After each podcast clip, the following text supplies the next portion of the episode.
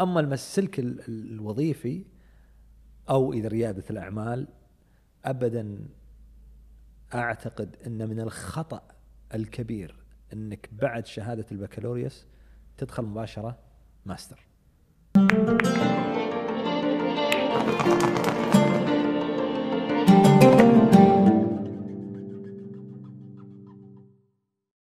نشكر راعي الحلقة أولابز على رعايتهم للحلقة. إيش ما كان ذوقك بالقهوة بتلقى اللي يعجبك في أولابز. نترككم مع الحلقة مشاهدة ممتعة. حياك الله أستاذ عبد الرحمن. الله آه، يحييك شرفتنا ونورتنا اليوم.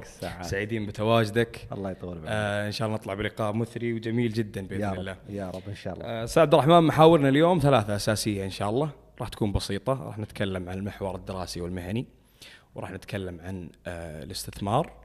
وراح نتكلم عن بعض الجوانب الشخصية يعني لفتات بسيطة إن شاء الله. جميل.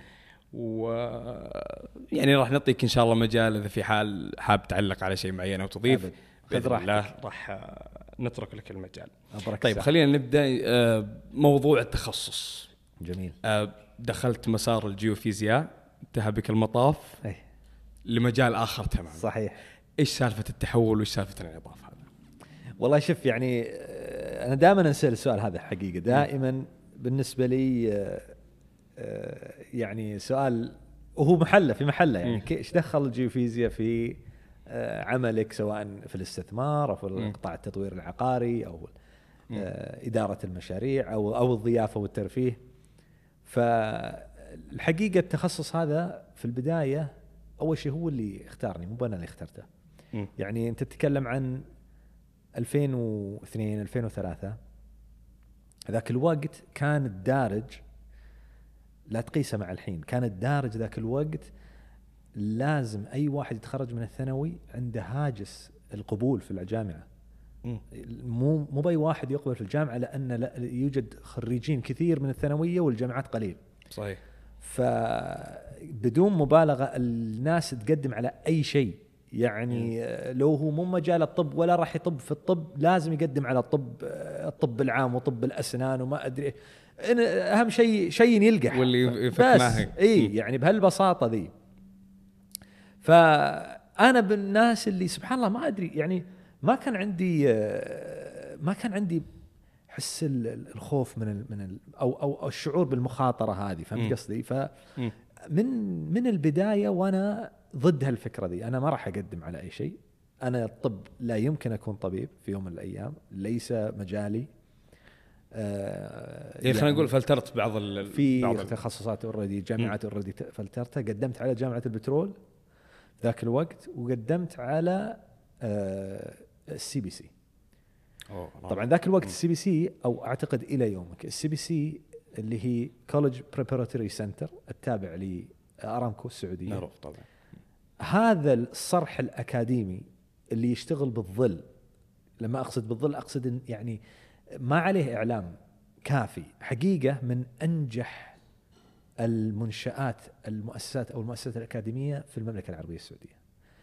يعني كا يعني يعني مؤسسة أكاديمية اللي تعلمت فيها في سنة يمكن ما تعلمتها في أربع سنين جامعة أوف. أو ثلاث سنين ثانوية مم.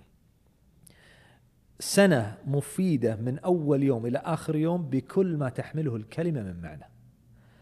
جميل. السنتر هذا يا طويل العمر كان يقدمون عليه بذاك الوقت أنا ما أدري عن الآن بس أتوقع نفس الشيء. يعني خليني أقول لك عشرات الألوف ويقبلون فيه 400 من هالاعداد الهائلة السع- من السعوديين يمكن 400 اللي يأخذونهم في الدفعة الواحدة. فأنا سبحان الله استهواني الشيء هذا الحمد لله كنت يعني شاطر في الثانوي وطلعت مم. بنتيجة زينة مم. فكنت يعني واثق إني راح أقبل من جامعة البترول وقبلت الحمد لله من من, جامعة البترول لكني كنت كان عندي شغف إن أقبل في ال CPC لأن هالرقم هذا يعني يعني أي. لابد أكون من هالمجموعة ذي. فوصلت مرحلة إن حطوني waiting list أو أو إذا تضمن تبي تضمن محلك الآن جيولوجيا أو geophysics أو جيوفيزياء. ها. أيوه. طبعا أنا أصلا أحب العلوم من أصل وأحب الرياضيات. مم.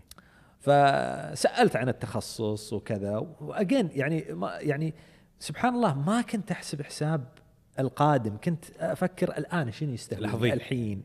إيش اللي ببدع فيها الحين؟ وش اللي بشتغل فيها الحين؟ ما أدري تقدر تقول عليه شيء صح أو شيء خطأ بس حتما فاد فادني أنا على الأقل.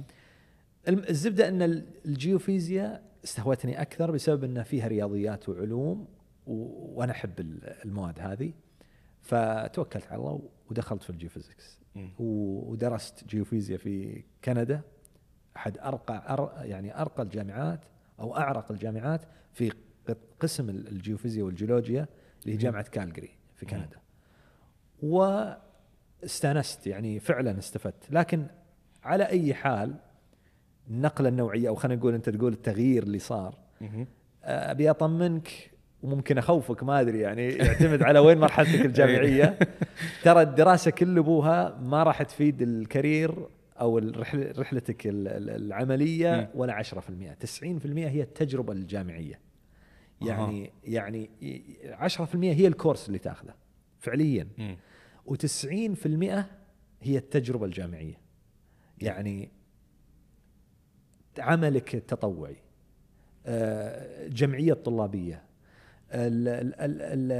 ال non-curricular activity مثل ما يسمونها اللي هي خارجه عن ال ال- ال- ال- الغير اكاديميه الغير. اكاديميه. أو خارجه عن المنهج أو ما إلى. ذلك.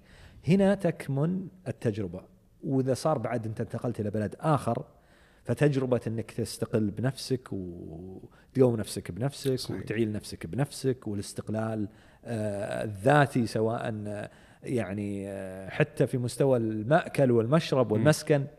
هذه بحد ذات هذه 90% من التجربة اللي تفيدك في حياتك العملية صحيح ولكن على أي حال ما ندمت يوم رغم إني أنا ما اشتغلت بالجيوفيزياء إلا سنة ونص.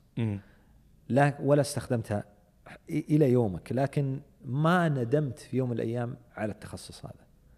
يعني آه لو إن بعيد فيني الزمن يمكن اخترت تخصص يفيدني اليوم. مثل العمارة أنا أحب العمارة. وتفيدني في قطاع التطوير العقاري. ولكن هل أندم على التخصص؟ ابدا. لم أندم يوما على تخصص الجيوفيزياء واستفدت منه. في استفدت منه أشياء كثيرة يمكن مو يعني غير المرحلة الجامعية لكن التخصص نفسه علمني كيف أتخيل. الخيال ال imagination. في وقت من الأوقات أنا في الجامعة يعني السنة الرابعة أي إنسان في الجيوفيزياء في سنة الرابعة تعامل مع تعامل مع ال- ال- ال- ال- المعادلات الرياضية بشتى أنواعها وأقسامها ومستوياتها صحيح. التفاضل والتكامل وما أدري إيش. وال calculus والجبرة و...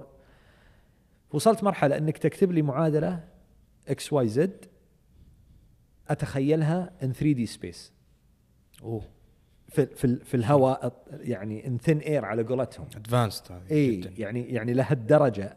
تتخيل الاسطوانة وتتخيل الاسطوانة شلون إذا آه، دخلت عليها آه، جزئية في المعادلة twisted وتعصرها. in thin air مم. في الهواء. 3D. تخيل وصلت لهالمرحلة. يعني شغل كل الخلايا اللي في مخك. عرفت. فاليوم مم. أنت يعني على الأقل فادني إن اليوم أشوف مثلا مخطط معين أقدر أتخيله أها. بشكل ثلاثي الابعاد الشغلة الثانية شيء يسمى ال extrapolation أو الاستقراء. مم. أنت اليوم عندك data معينة أو بيانات معينة والبيانات هذه فيها نقاط X Y مم. سين وصاد. طلع لك نقاط على رسم بياني وبعدين فيه يطلع شيء اسمه ترند خط مستقيم أو قوس أو ما إلى ذلك الترند هذا اللي يغطي ال- ال data القائمة الحالية اللي عندك. لكن بعدين أنت كعالم أو كدارس للحالة ايا كانت تبغى تسوي لها استقراء و extrapolation تبي تمد الترند هذا أها. إلى جهة ما عندك عليها بيانات. كيف تمد ال ال ال العلم ال ال ال الخط هذا كيف تمد الترند. صح مم. طب كيف تمده في مستوى ثنائي الأبعاد وكيف تمده في مستوى ثلاثي الأبعاد أها. عرفت مم. عالم آخر فهذا الاستقراء له قوانين وله آه، خلينا نقول لك آه، ثوابت عرفت مم. يمكن اليوم أنا ما تستحضر ما تستحضرني إلا أشياء بسيطة منها لكنها أصبحت الآن مب أنا مبرمج عليها مخي مبرمج عليها فهمت قصدي؟ مم. فمثلا إذا شفت الاستقراء شفت مثلا تفسير معين فيه أشياء آه، تخل بالاستقراء هذا بالترند وانه قد يكون هذا الترند هذا مو بدقيق وامتداد مدك إلى في المجهول غير غير دقيق. هذا علم أساس في الجيوفيزياء. يمكن آخر شيء معليش طولت عليك أنا لأن لأن هذا السؤال بالنسبة. لي يعني آه، آه، جدا مثير للاهتمام لي أنا شخصيا. يعني دائما يذكرني يقول إيش فائده الجيوفيزياء السؤال. دسم حقيقة يعني صراحة ف شغلة ثانية مثلا آه، الجيوفيزياء. وش فكرتها مقارنة بالجيولوجيا مثلا الجيولوجيا إي بالضبط هذه نقطة إيه. مهمة إي شوف الجيولوجيا يعطونك عينة مم. تمسكها بيدك حلو أه تقول تحللها sample يعني. إي sample. مم. تحللها العينة ذي تقول والله هذه صخر ناري والله ال density أو الكثافه حقتها كذا. أه والله ال grains أو الحبيبات حقتها حجمها بالطريقة الفلانية. عندك مسطرة وعندك مجهر وعندك آه، عدسة وعندك كيمياء كيماويات تستخدمها بحيث إنك تعرف مكونات هذه العينة مم. إلى أن تعرف بالضبط وش العينة هذه. بالضبط بالملي وش العينة ذي. ومن وبالتالي تقول والله هذه العينة غالبا إذا هي في السعودية معناته أخذت من الطبقة الفلانية أها اللي هي إيش؟ طالعة على الأرض موجودة مم. الجيوفيزياء وش هو؟ الجيوفيزياء هو تصور طبيعة الطبقة بدون عينة بدون ما تلمسها بدون ما تقربها يعني أنت. على الأرض وقاعد تحلل شيء تحتك كيلوين أو ثلاثة كيلو أو كيلو ونص. اليوم فيه structures geological structures عرفت. هياكل جيولوجية. تحت الأرض كيلو ونص كيلو وين. أسباب رئيسية لمكامن النفط لا يمكن لا في يومك ال- اليوم ولا بعد مئة سنة راح تشاهدها بشكل مباشر. أها كلها استقرأتها استقراء نحتاج هنا you مم. والسبب إن عندك عينة عندك بي- بير من هنا وعندك بير من هنا وبعدين سويت لك آه، أشعة آه، seismic ية. أو آه، كهرومغناطيسية أو فوق السينية أو أشعة السينية ايا كانت نوع الأشعة صوتية ال seismic ية صوتية. تطلق waves أو أو أو موجات وترجع لك تحلل الموجات ذي وتشكل لك التصور اللي تحت الأرض. أي. وأنت ما لمست ولا قربت لا عينة ولا غير ذلك. فقط من reflection يا سلام عليك. مم. وتحدد موقع البير وما إلى ذلك. فمعناته إيش؟ معناته علم يشغل التحليل خلينا نقول الشق التحليلي في ال- في الدماغ. فهذه اليوم العلوم أنا ما ما أستفيد منها بشكل مباشر حتما. لكن الأكيد إن الخلايا اللي نشأت. أيام الجامعة. اليوم قاعدة تشتغل في. العمارة وفي التطوير العقاري وفي الضيافة والترفيه وما إلى ذلك. صار في ارتباط بين ال geophysics لا، والاستثمار أكيد، بشكل أكيد, أكيد. طيب أستاذ عبد الرحمن بالنسبة للطالب المهتم في التخصصات العلمية مثل ال geophysics وغيرها تنصحه إنه يكمل في هذا المجال ولا ما تعتقد إنه مجال ناجح؟ شوف يعني أنا إنسان واقعي زين آه في ناس تقول لك وهذه يمكن تنفهم أحيانا خطا مم. ابحث عن شغفك عرفت مم. الحق شغفك مم. هذا يجيب فيك العيد اي أحيانا اي صحيح الشغف مهم جدا مم. جدا جدا مهم لكن كذلك في واقع بمعنى مم. أنا أحب الرياضيات مم. وأحب العلوم ومتأكد في كثير من الشباب والشابات يحبون الرياضيات والعلوم صحيح بس في واقع يجب أن تأخذه بالاعتبار وانت تختار التخصص مهم. وهو أن اليوم ما زلنا لسنا سيليكون فالي.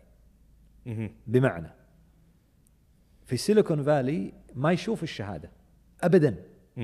ما قد يكون ما درست أنت في الجامعة أصلا. يعني فعليا يوظفك وأنت ما مريت في الجامعة تجربة الجامعة ذي ما مريت فيها. you know coding تعرف ال- ال- الكود؟ تشتغل. فكرك تسويقي؟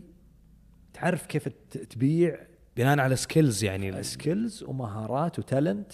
و attitude بس وظفك. باختصار وتجربة سابقة.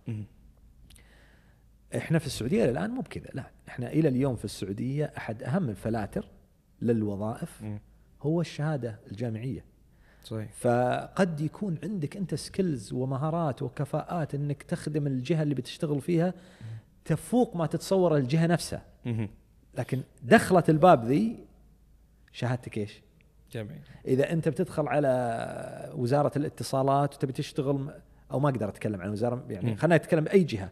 آه، جهة في تخصص الاتصالات على سبيل المثال وتبي entry level بتدخل هذه أول وظيفة لك وتبي تشتغل في قطاع آه، ال- ال- ال- الشبكات. لازم يكون تخصصك network. صحيح كذا يجي. prequalification أصلا في بعض الجهات خاصة الحكومية يحاسب يعني في audit فيه أها. فيه تدقيق على الموارد البشرية إنه يقول okay أنت تعال وظفت فلان اي آه، وأنت شارط. شهادة ال- الشبكات علم علوم الشبكات بس أنت وظفته وما عنده علوم مجاله مختلف. ليش؟ أيوه بغض فالاسلم النظر عن امتلاكه للمهاره بالضبط مم. فالأسلم له يفلتر على طول يدخل على الفلتر يقول مم. طلع لي الناس اللي عندهم شهادات الشبكات. فهذا واقع يجب أن تتعامل معه. يعني سواء اللي عنده شهادة علوم أو شهادة رياضيات أو عنده شهادة تاريخ أو إنجليزي أو كذا في مجالات معينة توظف هذه الشهادات.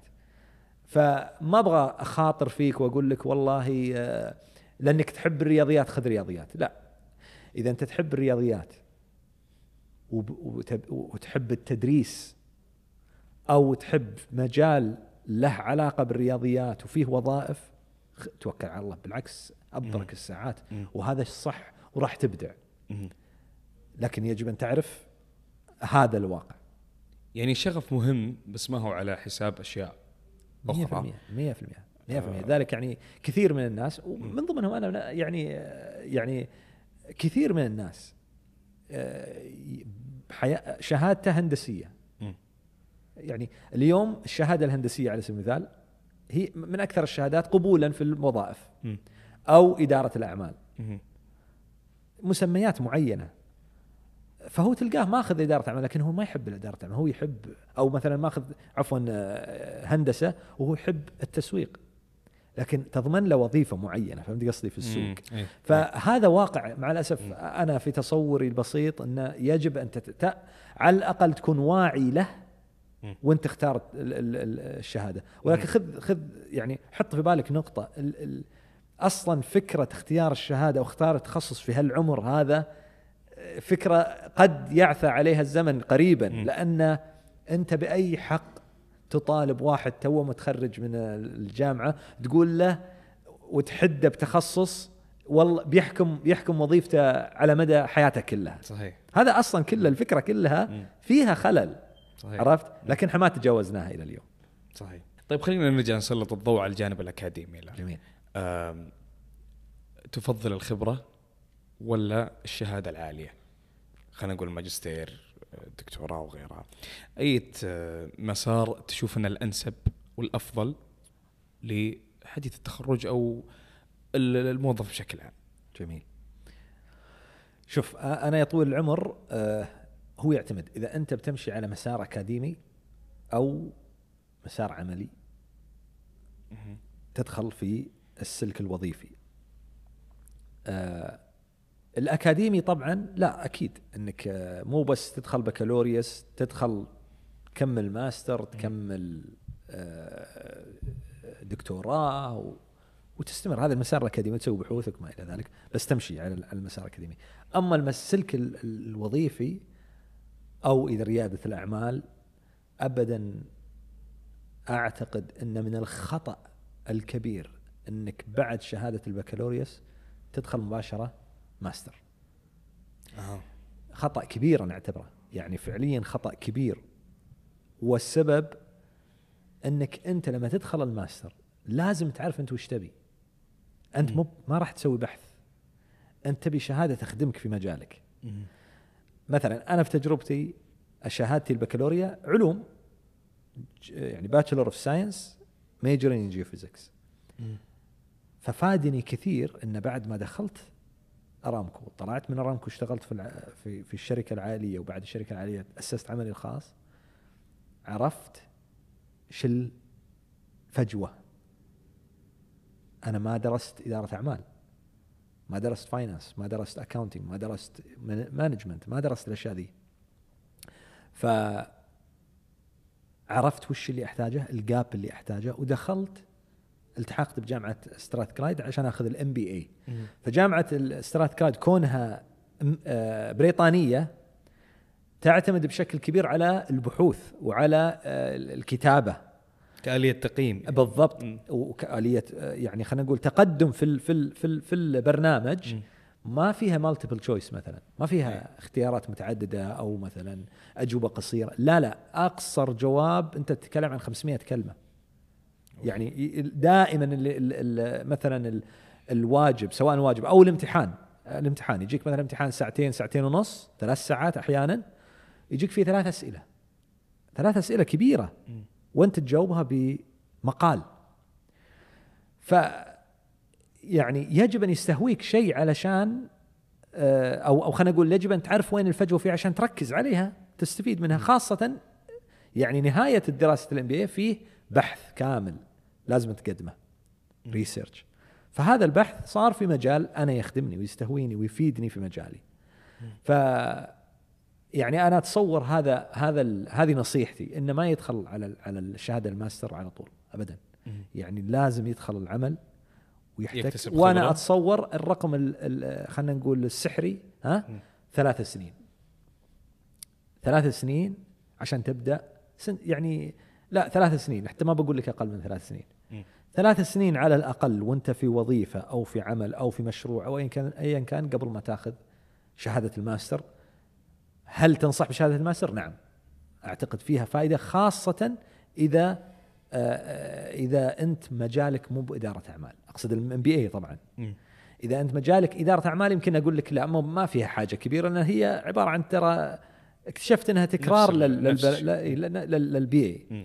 ف يعني بشكل عام عشان ما يزعلون علينا اللي عندهم يعني MBA لكن لكن بالنسبة للي background ه ما له علاقة في إدارة أعمال لا. يفضل. أوه. تخيل أنت متخيل أنت ال... تخيل أنت ال... الطيف اللي فتحته؟ مم. آه، مسار كامل مسار مهني يا كامل. سلام عليك مم. يا سلام. طيب للشخص اللي آه، على يعني مشارف إنه يكمل آه، وياخذ شهادة الماستر إيش أهم ال- الدوافع أو إيش الميزات اللي تعتقد اللي يعني ممكن إنها تخلي الواحد إنه يستمر ويواجه التحديات اللي ممكن تواجهه علشان آه، ياخذ شهادة الماستر؟ إيش الثمار؟ اللي تعطيك إياها شهادة الماستر الآن. هو طبعا يعتمد أنت تتكلم عن MBA ولا ماستر في التخصص؟ ماستر تخصص الماستر أي العام. اي, اي شوف الماستر في التخصص. آه يعني عشان أوضح لك شلون ال- ال- الفكرة. آه الحين في أرامكو على سبيل المثال أنت تمشي في مجال معين. تمشي. وعندك أول ثلاث سنين يسمونها PDP. تدريب و rotation تروح كل الأقسام. بعد الثلاث سنين ذي تمسك مجال أو أو ال position حقك أو المحل الوظيفة حقتك في القسم حقك وكذا. تبدأ عملك الحقيقي عاد. يعني خلاص صار عندك مسؤوليات. تخيل بعد ثلاث سنين ها؟ تصير عندك مسؤوليات حقيقية. آه ذيك الساعة بعد سنتين ثلاث سنوات يبتدي عاد يطلع عندك مفرق. عرفت؟ شيء اسمه كونسلتنسي باث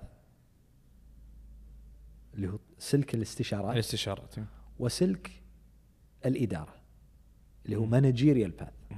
سلك الإدارة هذا المفرق اللي يحدد إيش تدرس أول شيء في الماستر. وشو بالضبط إذا أنت رايح للاستشارات فالماستر عادة يصير في نفس التخصص. عادة إيه. يصير بنفس التخصص لكن في مجال معين أنت تبغى تصير دقيق. مركز عليه ودقيق وتعرف به. تعرف به. والمجال الثاني اللي هو الإداري managerial path هذا اللي يحتاج لا توسيع أفق أكثر.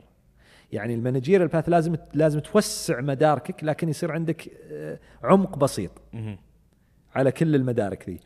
الاستشاري السلك الاستشاري لا. مداركك يعني يعني مركزة أكثر لكن عمق. فهمت قصدي؟ جميل. آه، يعني أدق المعلومات. حقتك في المجال هذا. صحيح. فهذا أول مفرق وأعتقد أنا ضربت مثال بارامكو لأن هذا ستراكشر هذا هيك مهيكل في الشركة في المسار مم. الوظيفي مم. واحد ميزات شركة أرامكو السعودية. لكن في الم... لكن بالمجمل بشكل عام هذا الطبيعي هل أنا بروح بمسك إدارة عد فريق مم. ويصير عندي متخصصين وبدال ما أعرف الإجابة أعرف أين أسأل شفت الفرق مم. بدال ما أعرف الإجابة تسألني أنت سؤال يا أعرف الجواب هذا ال consultant. أعرف الجواب. أو أعرف وين أسأل. أقول لك اعطني شوي. أعرف وين أسأل. إدارة هذا إدارة. ف هنا ال MBA عاد وهنا الم- الماستر. طيب أنا حطيتك ال background هذا عشان أجاوب سؤالك. إي. يمكن طولت عليك لكن لازم تختار مسار قبل. أيوه. مم. ل- ولا وأنت تقول لي وش الدافع؟ وش الثمار مم. الشهادة الماستر خاصة إذا كانت في التخصص بالضبط الثمرة الأساسية وهي أعتقد يمكن تحدي عند الكثير هي أنت توصل مرحلة من من من في في مسيرتك الوظيفية يجب أن تعرف بشيء بمعنى كيف تتطور كيف تنتقل لمرحلة جديدة كيف يختارونك ويرقونك. كيف يتذكرك مدير القسم في عند قرار الترقية. قرار الترقية وقت يمكن شهر في مدى كل سنتين ثلاث سنوات يتخذ القرار ترى كل سنتين ثلاث سنوات في القسم عاد كذا يتخذ قرار ترقية واحد إلى إنه يمسك القسم هذا. فالقرار اللي يحكم السنتين ثلاث سنوات القادمة ترى يأخذ في فترة وجيزة. كيف يتذكرك في يتذكرك هذا ال brand recognition. عرفت اللي هي كيف الواحد أنت لك brand معين ها ال brand هو الماستر هذا. أنت يجب أن تعرف بشيء متخصص يعني نقدر إيه نقول يقولون والله شوف. والله شوف يا أخي شوف قسمنا هذا جيدين بالتسويق الكل جيد بالتسويق لكن إذا تبي تسويق ال- بالوسائل التواصل الاجتماعي ترى سيف. عرفت الفكرة؟ آه إيه. أن تعرف بشيء معين محدود محدد. هذا بابك. مو شرط أن هذا بس عملك لكن تعرف به. هذا الباب ال- ال- ال- ال- الباب اللي ينفتح. أها. أن تدخل من هنا تسوي عاد اللي تبي. يعني نقدر نقول تخلق علامة فارقة. يا سلام. عليك. فجوابا على سؤالك ما هي ثمار ال master degree؟ هي أحد وسائل ال brand الخاصة بك brand ك الشخصي بأنك تعرف بشيء ما وهذا هذا الشرط يجب أن يتم في مرحلة معينة من حياتك. أنا أتصور المرحلة هذه تكون بعد الخمس سنين الأولى. بعد ما توصل طريق مسدود خلينا نقول يعني مو شرط طريق مسدود لكن لكن تستمر بس على نفس الحالة عايم. أو you get recognized ينتبهون لك. عرفت؟ صحيح هذه هذه أحد الثمار. طيب بحكم خبرتك أستاذ عبد الرحمن حديثي التخرج الآن إيش يعني أبرز العقبات اللي تشوف إنهم قاعدين يواجهونها الآن وكيف يحلونها؟ والله شوف يعني ال- العجيب إن يعني أقارنها بالعقبات اللي بوقتي أنا تخرجي مختلفة تماما عجيب. يعني يعني العقبة الأولى كانت في وقتي في تصوري الوظيفة. ما في وظائف. مم. لا يوجد وظائف. ايا كانت لا يوجد وظائف. اليوم أنت تجد مثلا مهندس إذا ما لقى وظيفة يشتغل مدير مطعم. فهمت قصدي؟ على الأقل في وظيفة. في شيء يعني. عرفت؟ مم. لا ذاك الوقت. نهائياً. غير إنك ما في جامعات لا ما في وظائف. نهائيا. مم. فالتحديات مختلفة. اليوم يعني أتصور أتصور صحيح في تحدي في موضوع الوظائف لكن الحمد لله قاعدة تتحسن بشكل كبير بشكل كبير. جميل. أنا أتصور التحدي داخلي أكثر من إنه خارجي في الجيل اليوم. آه اليوم أكبر تحدي أتصوره بحديثي التخرج هو عدم التركيز. ما يقدر يركز بس ما له يعني هو تحدي يحتاج إنه يسيطر عليه لكني ما لومه يعني اليوم أنت تركيزك خاصة الفئة العمرية ذي تركيزك الشركات الكبرى قاعد تركز عليه. من ياخذ من تركيزك أكثر؟ عرفت؟ يعني أنا مثلا أنا صعب أنا أنا أنا أحت أنا كعبد الرحمن ها أحتاج عشان أدخل المود ها عشان أدخل ال mood وأبتدي أبدع أبتدي أفكر أبتدي أكتب.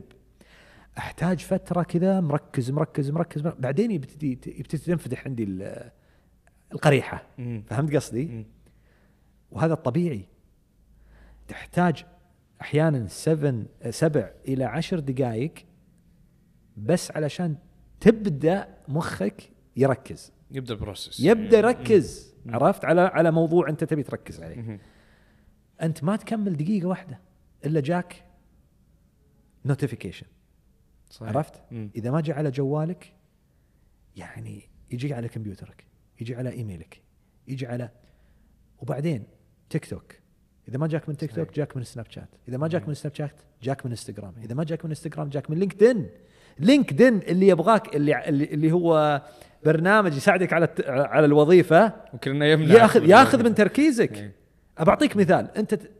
يعني وبعدين يلعبونها صح. أنت هنا المشكلة إنهم خابزينك خبز. هذا التحدي الكبير على المسكين الشاب إيه. أو الشابة. إن ال- الشركات المليارية ذي خابزينك خبز. هذا لينكدين. أتحداك ما تدخل لينكدين صفحتك ما تلقى فيها notification أتحداك. وكأنه الناس ما همها إلا سيف ومتى نوظف سيف. هذا كله هراء غير صحيح بس هو يبي يشعر فيك ما يسمى وهذا هنا ال secret. ها؟ هنا السر. ال instant gratification اللي هو الإشباع اللحظي. أها. هنا الإشكال. مم. كيف تقنع نفسك؟ كيف تسيطر على نفسك؟ إنك you push هذا الإشباع ايا كان. بعيد شوي لأن تحتاج عشان تركز you have to push صحيح. مقابل إشباع لحظي كيميائي ها؟ يعني اندورفين اندورفين تشتغل دوبامين يشتغل بمخك على طول مجرد ما تشوف في like في. like. يعني تدخل على الانستغرام تلقى two likes. أصلا أنا متابعيني مثلا اثنين عرفت؟ إيه. تسوي لي like برضو يعني شيء كبير برضو يعني. شيء تشعر فيه. وناس- ويدخلك على البرنامج. إيه. هو خذ من تركيزك. يعمل على الكيماويات ال- ال- الفطرية اللي في جسمك. كذا قاعدين يتحدونك. هذا التحدي هنا. أنا هذا أشوف أكبر تحدي لأن لأن التحدي هو عدم التركيز. لأن وين يصير الإبداع؟ وين تصير الحلول؟ وين إنك تنتقل من كونك ما يسمى ب paper pusher وهو عبارة عن شخص تجيه format يعبيها لأنه مكتوب قدامه ما يحتاج يفكر. ما يحتاج أعمق من إنه كاتب له الاسم كتب الاسم العمر كتب العمر وقع وقع. اختم اختم في مقابل عندنا العميل الفلاني ونحتاج نسوق له المنتج الفلاني كيف ندخل عليه؟ ما هو اللي راح يجذبه في العرض؟ أها. هذا يحتاج له تركيز. صحيح. يحتاج له جدا. ومو بس يحتاج, له تركيز يعني لا تستهين بالتركيز فهذا أكبر تحدي. كيف الشاب الشاب يركز في عمله اللي مخه ما يقدر ما يقدر يعطيك تركيز إلا بعد سبع عشر دقائق؟ على فكرة مثلا وصلت الدقيقة السادسة طلع لك notification والتفت له. العداد يبدأ من الصفر. أها. ما هي كذا مخك. يعتقد الناس تعتقد الناس إنك multitasker وتقدر متعدد المهام. لا مو بصحيح. المخ zero 1 يعني ترى هي قناة واحدة. يمر فيها zero ولا 1 مهم. لكن سريع جدا فيشعرك يعطيك الانطباع إنك أنت تقدر تشتغل على عدة مهام، فعليا أنت ما تشتغل على عدة مهام، فعليا مخك يركز على مهمة، في جزء من الثانية ينتقل تركيزه لمهمه ثانية، وفي جزء من الثانية ينتقل للمهمه الثالثة، بس أنت تشوفها بطبعك بوضعك الطبيعي تحس كأنك you're multitasking.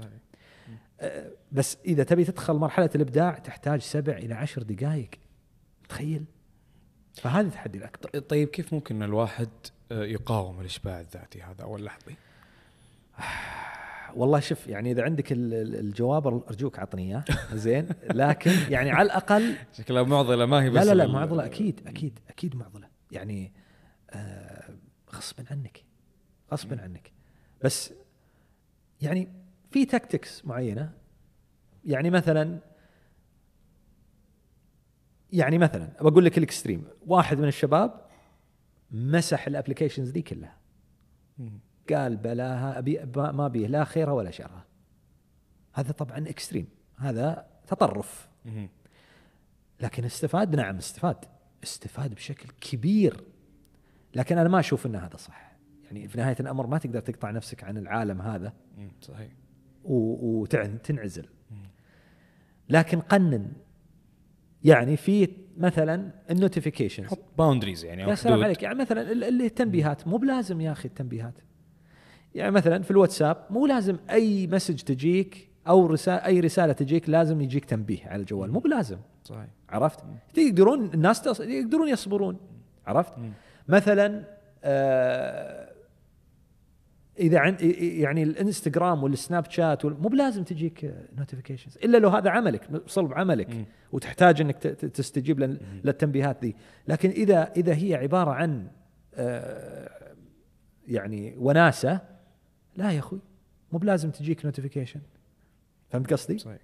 فهذه واحدة من الأشياء. أنت اليوم عندك في الجوال ادخل على التنبيهات سكرهم كلهم. وأنا أأكد لك أأكد لك أن راح تجد راح تلاحظ فرق كبير جدا في التركيز. هل بد... هل بقول لك بتحل المشكلة كلها؟ لا. لأن لابد. في لها طرق. لكن حتما راح هذه واحدة من ال tactics. طبعا ال tactics كثير. جميل جميل جدا. طيب خلينا نتكلم عن آه، الفترة اللي التحقت فيها بكلية الأمير محمد بن سلمان. كيف كانت التجربة؟ والله كانت الكلية ذاك الوقت توها بادية.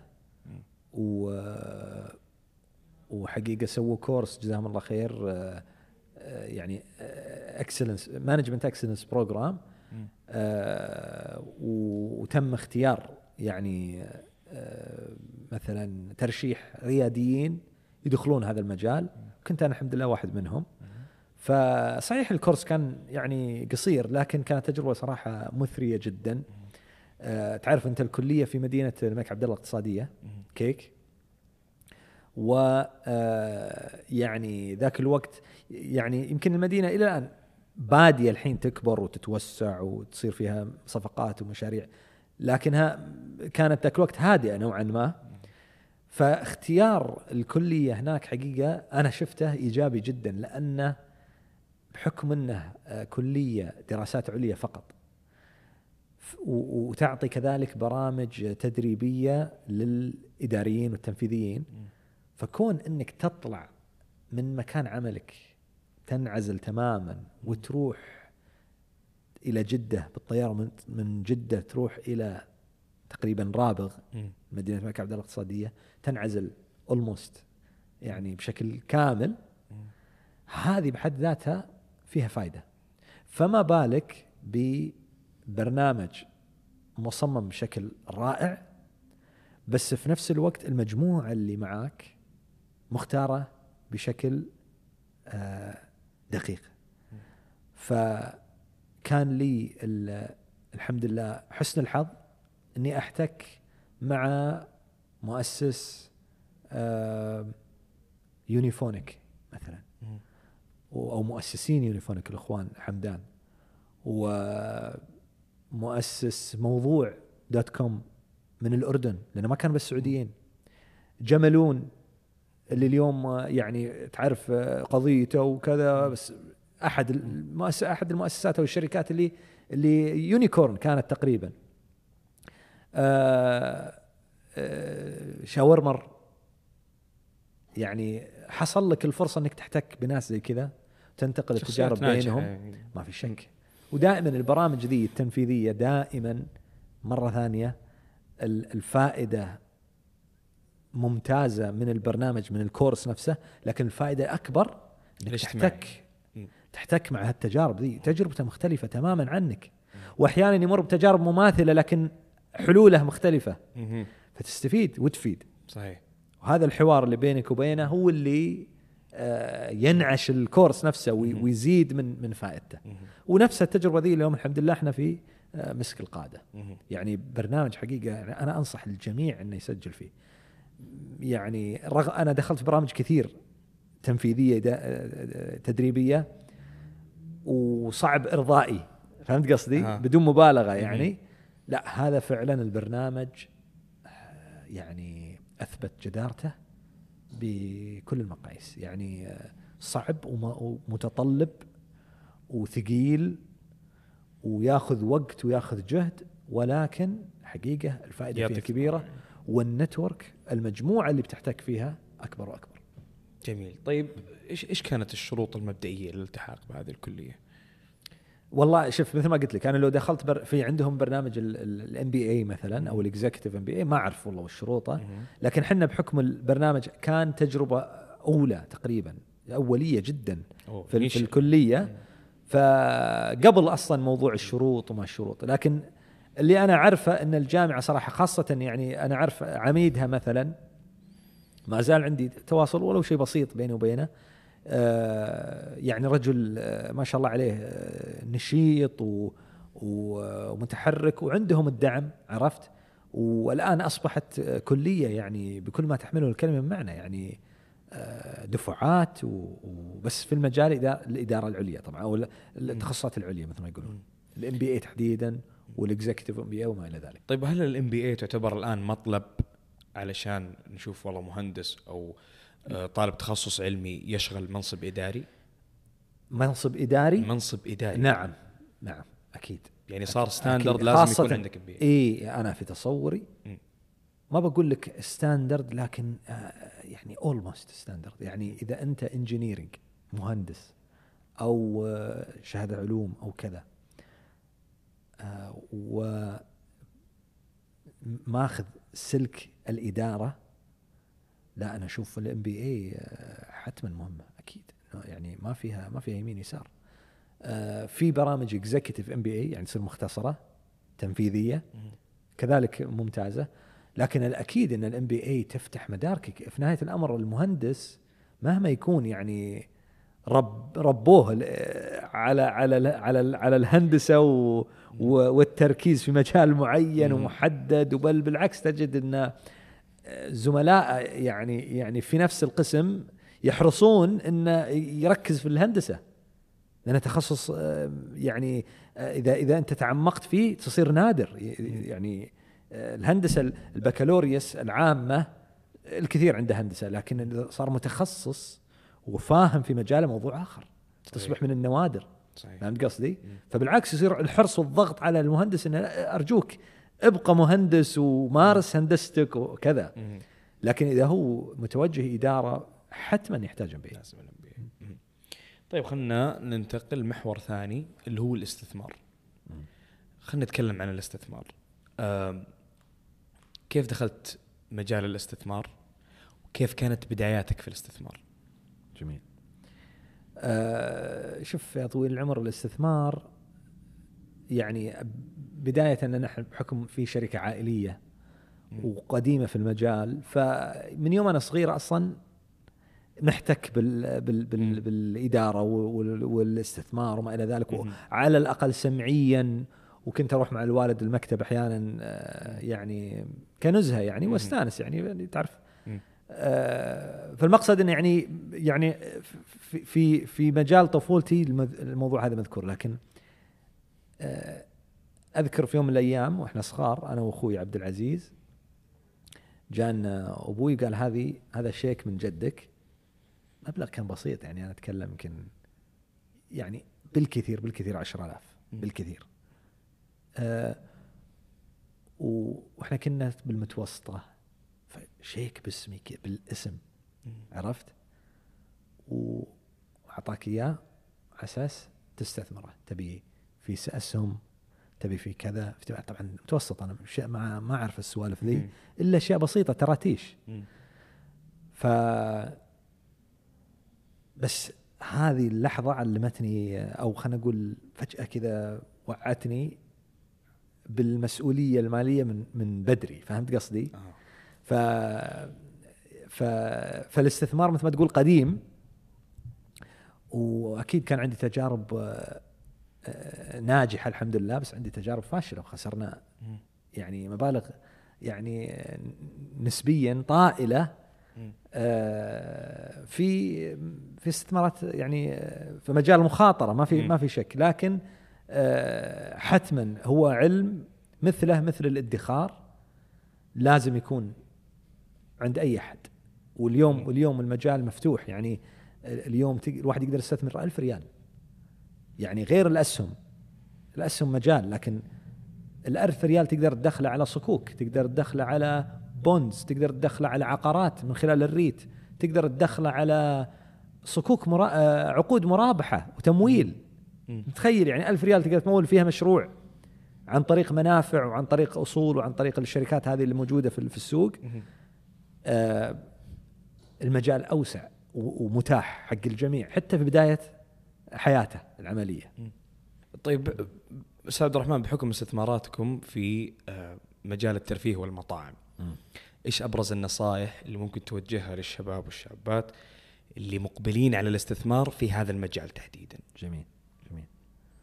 شوف آه، آه، يعني آه، طبعا التخصص اللي إحنا نشتغل فيه هو الضيافة والترفيه أشمل شوي.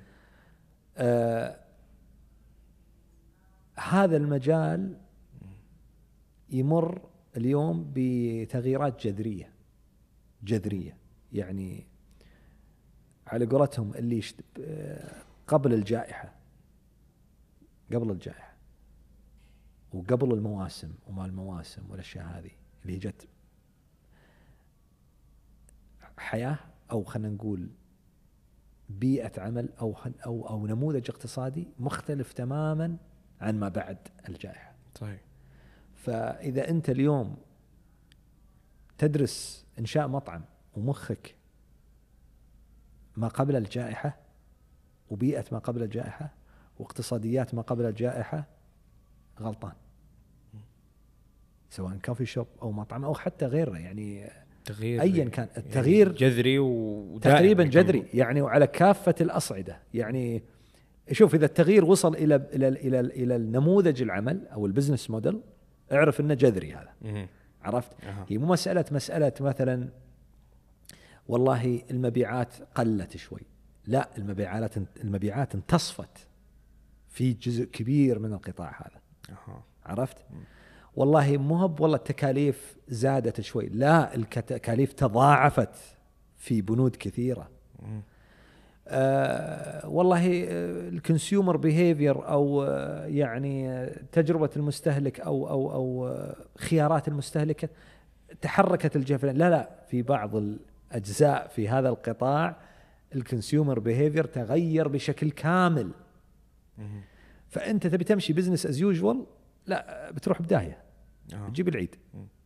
الفكر كله تغير ال business كله تغير حتى وال- والتحدي على ال على ال على ال على ال الكيانات القائمة أكبر بكثير من اللي توه يخ... على بس أبسط الأمور إن على الأقل اللي يأسس اليوم.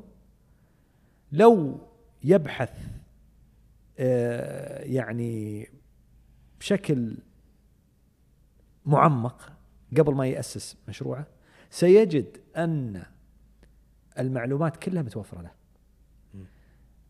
مكتب العمل حاط خطة خمسية قدامك بالضبط بالملي وش بيصير؟ تكاليف كيف بتزيد؟ كيف تنقص؟ كيف كذا؟ هيئة الزكاة هذا اللي بيصير. وزارة البلديات هذا اللي بيصير. ما أدري إحنا في وقت يعني في وقت من الأوقات يعني كنا فعلا نمشي عمياني تجي قرارات ما تدري متى تجي.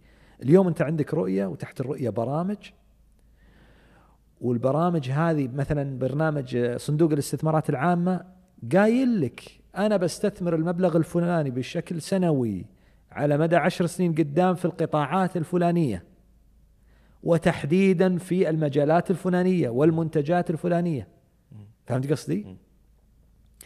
هذا تقيد قرارك. سواء في المطاعم أو غيره فهمت قصدي؟ أو يعني الضيافة والترفيه أو أو غيره. والله آه، في الضيافة على سبيل المثال والله إحنا الدولة مركزة بتستثمر في البحر الأحمر. لاحظ أنت المشاريع على البحر الأحمر والسياحة في المقام الأول البحر الأحمر وبنزيد الحجاج 30 مليون في السنة وما إلى ذلك. يعني تعطيك hints أو guideline ممكن يعني تمشي إذا أنت ما حسبت هالمواضيع هذه بحسابها. وانت قاعد تنشئ محلك صندوق الت- تن- صندوق آه، صندوق آه، آه، السياحي صندوق التنمية السياحي Tourism Development Fund. قايل لك هذه المجالات اللي راح يستثمر فيها وهذه المناطق اللي راح يستثمر فيها يمولك اليوم يمولك إلى 60 و70% مم. عرفت؟ يعني نصيحتي الأولى اطلع ادرس بشكل صحيح خذ وقتك. عرفت؟ آه اللي يقهرني شو مثلا قطعة شارع هنا من عندك سيف. مجمع جديد آه يعني شو أقول لك في 20 محل 18 محل منهم قهوة مختصة بدون مبالغة بنفس المجمع. صحيح انتشرت الآن. يعني غير أنا فكر الشخص العقاري يعني شلون أنت كيف يعني؟ بفهم كيف بيستمرون ذولي؟ أي. آه على أي بأي منطق أنت تفتح جيم 18 قهوة؟ صحيح. يعني ما أدري أنا صراحة وش وش الاستراتيجيه يعني okay أنا عارف الرجل تجيب الرجل. لكن 18 قهوة. عرفت وكلها جديدة كلها استثمارات للأسف إنه يختار المنافسين فيش كثرانين يستثمر يعني. لا يعني هذا هذا فكر على قولتهم مال أول. اللي إذا فتح حلاق وشافه يشتغل فتح صار الشارع كله شارع الحلاقين. يصير اسم الشارع شارع الحلاقين إيه. عرفت؟ الآن ما في خلاص خلاص انتهى السالفه do your homework يا أخي. عرفت؟ صحيح صحيح إيه. طيب آه، بما إن دخلنا في مجال الترفيه وال- وال- والمطاعم الآن صار عندنا هيئة فنون الطهي اي والآن أتاحت آه، كورسات اللي مهتم في المجال وحاب انه يدرس فهل تنصح المهتمين في فنون الطهي إنهم يدرسون ويأخذون كورسات الآن؟ ولا تعتقد إنه شيء كمالي أكثر مما إنه شيء يعني ذو فائده مباشرة؟ لا طبعا. لا لا. الأكيد يعني أنا اليوم آه، هيئة فنون الطهي محت- محتكين إحنا بشكل كبير معاهم. النشاط اللي قاعد يسوونه شيء مهول. يعني وزارة الثقافة بشكل عام طبعا. يعني صراحة من أنشط الوزارات. وتستغرب الأعمال اللي قاعدين يسوونها وأعتقد إن اليوم في كثير من المشاريع اللي تقودها وزارة الثقافة يعني الكثير ما يفهم وش فائدتها لكن إذا تعمق وشاف فائدة شاف إيش قاعدين يسوون والله مشاريع نوعية ومو بس مفيدة بل واجب العمل عليها ومتأخرين ما عملنا عليها. فنون الطهي هيئة فنون الطهي من أحدى ال- الهيئات اللي قاعدة تشتغل خلنا أقول لك بدون مبالغة بثغر من الثغور. شفت ال- الكلمة ذي؟ اليوم ال cuisine السعودي أنا ترى يعني في نهاية الأمر high level يعني يعني عندي أنا ف عندنا في الفريق مختصين في المجال هذا. ما شاء الله. لكن لو تشوف المشاريع اللي شغالين عليها أنا اطلعت على مشروع واحد بحكم إنه يعني دعوني لل- لل- لل- لل- لل event آه، المناسبة ذي صارت في الرياض. مناسبة كبيرة وحضرتها يعني تابعة لفنون الطهي. يعني قاعدين يشتغلون على توثيق تحت مظلة ال UN ها؟ توثيق الوصفات السعودية الأصيلة و المنت... خلينا أقول لك ال ingredients ال raw ingredients أو ال ال ال ال الأشياء اللي تدخل بالوصفة. نسيت والله إيش ترجمتها بالعربي لكن معنى المواد الأولية اللي تدخل في آه، اللي هي من منتج سعودي ونادر. هذه على الأقل التجربة دي أنا اطلعت عليها وما كنت فاهمها بحكم إن أنا يعني ما أعرف بدقة في الموضوع هذا لكن اللي وجدته عمل كبير. ال ال سو موضوع التدرب لأن تكون طاهي أنا أقول لك اياها من باب واقع تجربة إحنا ندور ما نلقى. عرفت؟ في يعني شح خلينا نقول. معلوم في شح ورواتب زينة. عرفت؟ وبعدين آه، أنجح ال- ال- المطاعم أو سلاسل المطاعم اللي برا. ال- الشخص اللي مرتبط يعني خلينا نقول البراند مبني على الطاهي نفسه مهم. Wolfgang ولا رمزي شيف رمزي الطهي signature ولا- لل brand هو هو هو هو ال signature. بل تدعوه ال- ال- الفنادق إلى أنه يعني يأسس مطعمه لأن ال brand حقه. وفي مجال اليوم للسعوديين الطهاة السعوديين يعني الإنسان الجاد يبي يلقى فرص هائلة لدعمه. هنا زادك على سبيل المثال ما أدري إذا أنت عندك فكرة عن زادك. زادك مؤسسة أكاديمية للطهي هنا في في الخبر. يعني يعني العمل اللي قاعد يشتغلونه والله إني أنا تفاجأت يعني التخصصات اللي قاعدين يبنونها الناس اللي قاعدين يدربونهم آه، ال ال الكفاءات اللي قاعدين يجيبونهم للمركز علشان يدربون الطهاة السعوديين كفاءات من سويسرا وما إلى ذلك. يعني آه،. ما في شك. يعني يعني معناته التوجه هو هذا التوجه. غير الوظائف المتاحة اليوم سواء في المطاعم بس كذلك عندك الفنادق. أنت متخيل اليوم أعلن وزير السياحة أن ستنشأ ما لا يقل عن 700 ألف غرفة على مدى السنين القادمة. أوف. كم فندق تتكلم أنت؟ 700 ألف غرفة. كم كم فندق؟ عرفت؟ عدد كبير جدا. هذول الفنادق ذولي مع شروط التوطين وهي أساس. هل تتوقع بيكفي ال ال ال- يجيبون من برا؟ ابدا. لا يمكن. أكيد. لا يمكن. صحيح. تجد الطاهي صحيح. يبدأ طاهي ويقدر يتخصص طاهي وممكن يصير سيلبرتي شيف أو ممكن يكون قيادي في الضيافة. صحيح. فهمت قصدي؟ مم. وهذا مطلوب إذا غير إنه ما يأسس مطعمه اليوم مثلا أنت لما تجي تأسس مطعم خاصة المبتدئين ترى. ترى اعتماده بشكل كبير على الثقافة اللي يجمعها من هنا من هنا لكن فعليا على الموظف يجيبه يكون هو الطاهي العام الطاهي الرئيسي الاكزيكتيف شيف. عرفت. طب أنت رحمتك مربوطة بهالشخص هذا. تخيل لو جايبه من أهل البلد وشريك معك يعني. حلالك هو. يشتغل في حلالة. موضوع مختلف 180 درجة. صحيح. عرفت؟ فالناس تدورهم الطهاة تدورهم وهو مجال واعد جدا. لكن ترى آه، مثله مثل أي مهنة أو مهارة أخرى. عفوا مهنة. أي مهنة أخرى تتطلب شغف. تتطلب أن انت تحب الشغلة ذي. صحيح. الحين أنت لو انسى التدريس انسى العلم كتاخذه بشكل لو أنت طباخ أنت أنت تعرف تطبخ. يقول لك شو يقول لك الطباخ يقول هذا في نفس يعني عنده نفس ال- الأساسيات عرفت اي اي يعني يعني في واحد كذا بطبيعته يطبخ لأنه صحيح. يحب الطبخ. وفي واحد مثلي يعني آه، بيضة ما أقدر أفوحها يعني عرفت فهمت قصدي؟ هي يحتاج لها ماهر صحيح. عرفت وشغوف في المجال هذا لكن المجال. فعلا واعد جميل. فعلا جميل جميل جدا طيب الان بنتوجه للشركة اللي هي أو ال- ال- ال- العائلة الاستثمار العائلي. خلينا نتكلم عن الاستثمار العائلي. و طيب عائلة البسام من أكبر العوائل ما شاء الله في مجال الاستثمار. آه، إيش سر نجاح عائلة البسام لأكثر من ما شاء الله خلينا نقول ثلاثة أو أربع اجيال من عام 24 ميلادي؟ إيش كان السر؟ آه، يعني آه، طبعا آه، أسرة البسام تجي من عنيزة وعنيزة بلد أصلا يعني قائم على التجارة بشكل عام من من مئات السنين بحكم. أنه وجودهم على خطين رئيسيين للتجارة خط الحجاج حجاج العراق تحديدا و خط اللي هو يعني أو على طرف خط البخور. طريق البخور. ف فكانت التجارة موجودة. لكن ال- ال- ال- الأسرة بحد ذاتها آه، التجارة يعني مهنة متأصلة فيهم. يعني آه، لو بت يعني يعني لو بترجع لها بالتاريخ تجدها يمكن توصل 270 سنة.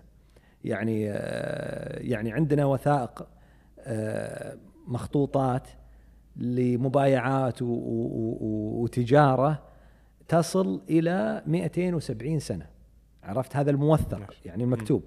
فهي فعلا مهنة آه، مثل ما تقول متوارثة متوارثة. نوعا ما. وطبعا آه، شركة شركتنا إحنا بالذات اللي هي شركة عبد الرحمن سليمان البسام وأولاده هذه تأسست في 24 ميلادي آه، على يد آه، الجد عبد العزيز العلي البسام. وعبد العزيز العلي ما كان عنده إلا بنت واحدة تزوجها عبد الرحمن السليمان اللي هو بن ولد عمها.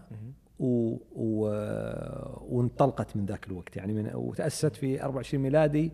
الشهادة ال- السجل التجاري طلع في 24 ميلادي لأن النظام في البحرين ذاك الوقت تو يظهر الموضوع السجلات التجارية. ولا ولا الم- ال- ال- المكتب تأسس قبل. يعني يعني آه، يعني حوالي 1914 فلكن في 24 ميلادي آه، الحكومة. استدعت عبد العزيز العلي. وقالت له تعال انت قاعد نشوفك قاعد تدفع انت آه، جمارك. مت مت متصدر آه، قائمة آه، التجار البحرينيين وهو سعودي. يعني ما حصل الجنسيه ما حصل الجنسية البحرينية في وقتها متصدر القائمة. قالوا له انت وين تشتغل انت؟ قال من من البيت مع العالم ذي عنده مكتبة في الب- يعني فاتح له محل في يعني في السوق لكن شغله غالبا في ال-. قال له ما يصير يعني الحين في نظام سجل تجاري تعال نرخص اطلع الموضوع افتح يعني. سجل تجاري فمن أوائل السجلات التجارية في البحرين يعني. يعني هذا شيء يعني الحمد لله نعتز فيه.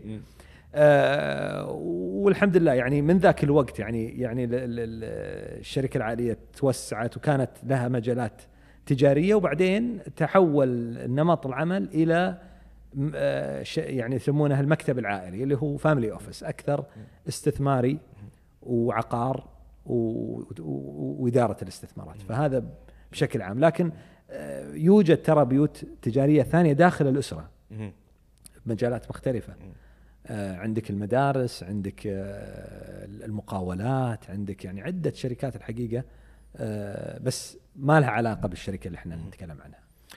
طيب في مشوار الع- العائلة آه، ال- ال- الاستثماري خلينا نقول هل كان في حدث معين أو نقطة تحول شكلت انطلاقة آه، عائلة البسام ولا كانت مجرد تدرج إلى أن وصلت يعني- البسام إلى الحالة؟ يعني آه، الجد عبد العزيز الله يرحمه هو ولد في 1893 ميلادي و وفي سن الطفولة هو ولد لأسرة ثرية يعني تجار. بس في سن الطفولة تخبر أيام آه، يعني ذيك ذاك الأوقات ذيك الأوقات كانت آه، يعني الملك عبد العزيز تو يعني بيبدأ يوحد المملكة. مم، صحيح. فما يخفى عنك ال- الوضع الأمني والوضع ال- يعني ال- ال- ال- المدن ذاك الوقت يعني قاعدة تتشكل.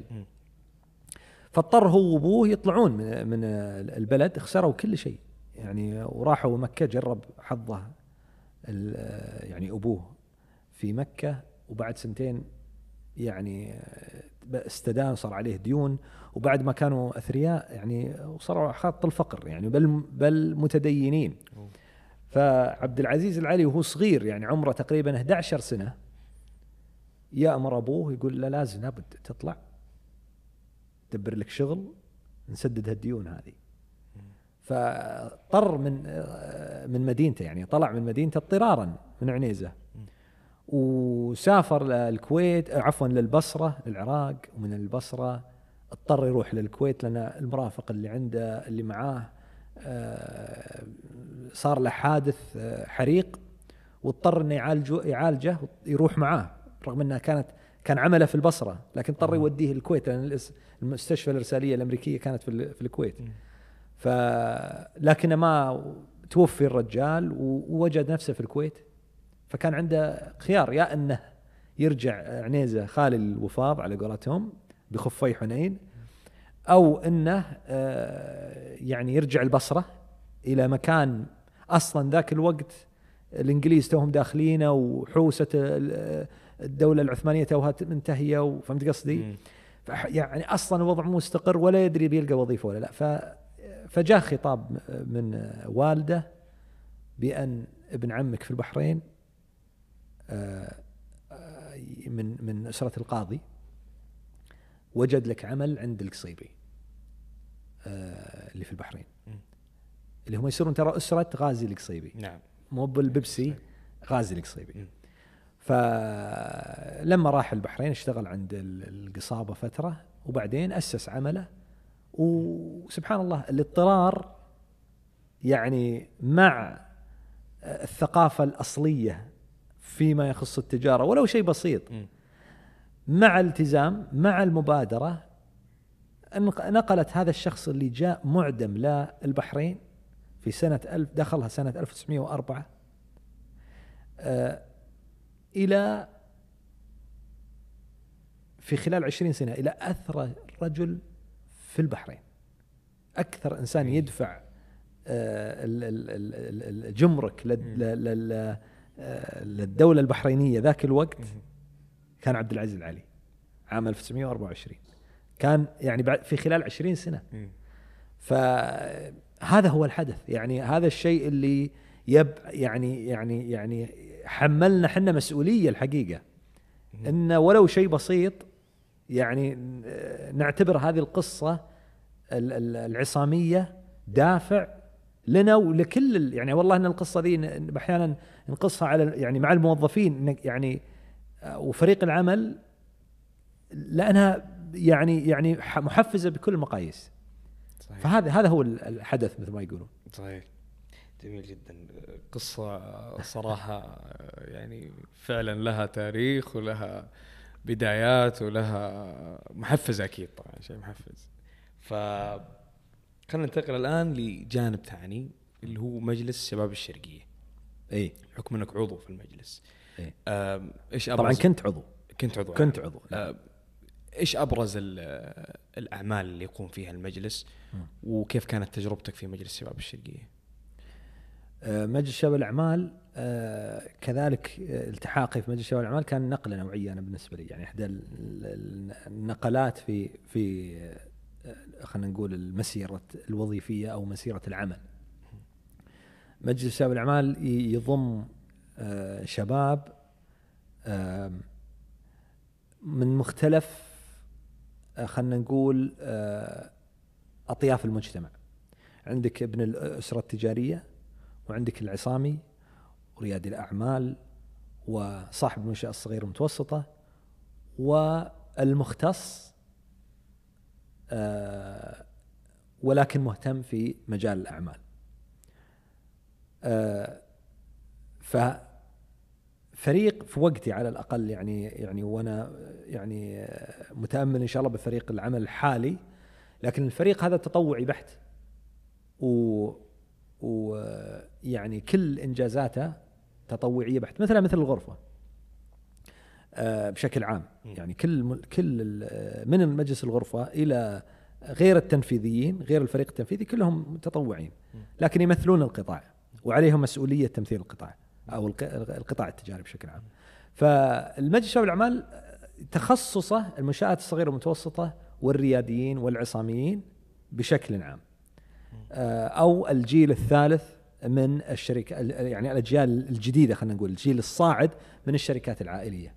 وهدفه آه، يعني يحط برامج كل أربع سنوات يحطون برامج ومبادرات يشتغلون عليها.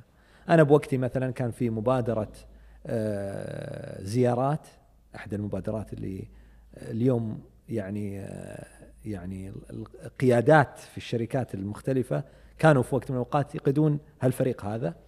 آه، مبادرة آه، زيارات كانت تأخذ تكون لجان أو وفود من هذا الفريق ويجتمع مع مع لجان أخرى ويتبادل خلينا نقول ال- الخبرات. يروح بلاد ثانية ويتبادل معاها الخبرات.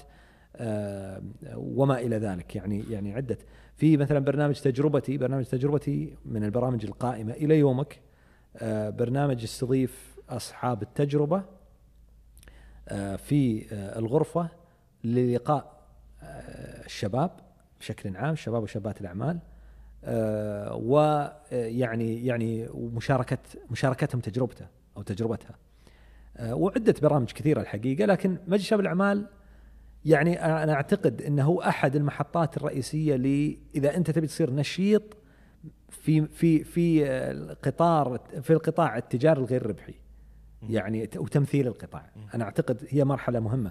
مثل على سبيل المثال أنا في دوري أنا مثلا كنت في اللجنة ال- مجلس شباب الاعمال بعدين صرت في اللجنة التجارية وبعدين صرت في آه، مجل- مجلس إدارة غرفة الشرقية. أنا اليوم عضو في مجلس إدارة غرفة الشرقية وعدد لا بأس لا بأس به من أعضاء مجلس إدارة غرفة الشرقية كانوا في يوم من الأيام أعضاء في مجلس شباب الأعمال. فهو فعلا محطة رئيسية. إذا أنت عندك شغف أنك في يوم من الأيام تبي آه، آه، تساهم في تمثيل القطاع. قطاع الغير ربحي. إيه. لا القطاع التجاري يعني. إيه. طيب. آه نبغى نصيحة عامة للمقبل على الاستثمار عموما يعني في شتى المجالات. أهم النصائح اللي ممكن توجهها. يعني الاستثمار تحديدا ولا قصدك يعني يعني إنشاء المشاريع ولا؟ الاستثمار في شيء معين. مم. اللي حاب يستثمر في مجال أو في قطاع معين جميل. إيش أبرز النصائح اللي توجهها له؟ جميل. شوف الاستثمار أتصور اليوم أصبح مسؤول مو بس خيار أصبح مسؤولية. يعني على الشباب ليش؟ لأن اليوم أنت متاح لك قبل عشر سنين ما كان فيه المنتجات اللي تسمح لك إنك تستثمر ولو ب 100 ريال أو 1000 ريال إلا الأسهم مم. غيره ما كان في مجال لا القطاع العقاري يتطلب رأس مال كبير ولا المشاريع تتطلب رأس مال ولا الصكوك لها حد معين. وما إلى ذلك. اليوم متاح لك تستثمر أحيانا 100 ريال أو 500 ريال أو 1000 ريال في شتى هذه المنتجات سواء الأسهم أو العقار أو آه، حتى التطوير العقاري يعني مو بمنتج جاهز ويتأجر لا تطور عرفت؟ آه، صكوك بونز عقود مرابحة وتمويل مشاريع آه، عندك اليوم أكسس عليها. والدليل هالبرامج ذي مثل منافع وأصول وما إلى ذلك تدخل على البرنامج يعلنون عن فرصة في ظرف ساعات قليلة تتغطى. تتغطى بالكامل بمبالغ على ألف ريال 2000 ريال وما إلى ذلك. المجال اليوم موجود للشاب في مقتبل آه، يعني مسيرته الوظيفية أو العملية أنه يستثمر ولذلك أصبحت مسؤولية، ليش مسؤولية؟ لأن الاستثمار مثله مثل الادخار مهم جدا ك خلينا أقول لك شبكة حماية ضد المخاطر في مسيرتك الحياتية بشكل عام. بما أن ال- الأدوات متاحة فليش؟ ليش ما تتخذ القرار هذا؟ ليش ما تستثمر؟ يمكن الأغلب يخاف من ال risk تكون هي جميل. هي الحاف ال- جميل. ال- جميل. الحاجز أنت الحين دخلت في موضوع ال risk وهو فعلا موضوع مهم وأساسي يجب أن تفكر فيه بل هو الأساس. أنت اليوم أي محافظة أي آه، محفظة تبي آه، تستثمر فيها أول بند يقول لك إياها ال risk. ترى عالي المخاطرة متوسط المخاطرة قليل المخاطرة أو منخفض المخاطرة وما إلى ذلك. فعلا هو موضوع مهم وأساس. فكيف هاو هاو على قولتهم كيف أنت طبعا تستثمر؟ أنا في توج أنا في تصوري واحدة من ال... واحد من الكتب اللي فادتني كثير. وأعتقد إنها مفيدة لأي إنسان الآن واجب عليه إنه يستثمر. أنا أكررها واجب عليك تستثمر واجب. زين؟ مسؤولية. مم. هو كتاب The Psychology of Money Psychology of Money كتاب صغير مو من كبره. أفكاره بسيطة جدا لغته بسيطة جدا. يعني مو هو للمتخصصين بل هو مكتوب لغير المتخصص. يحط لك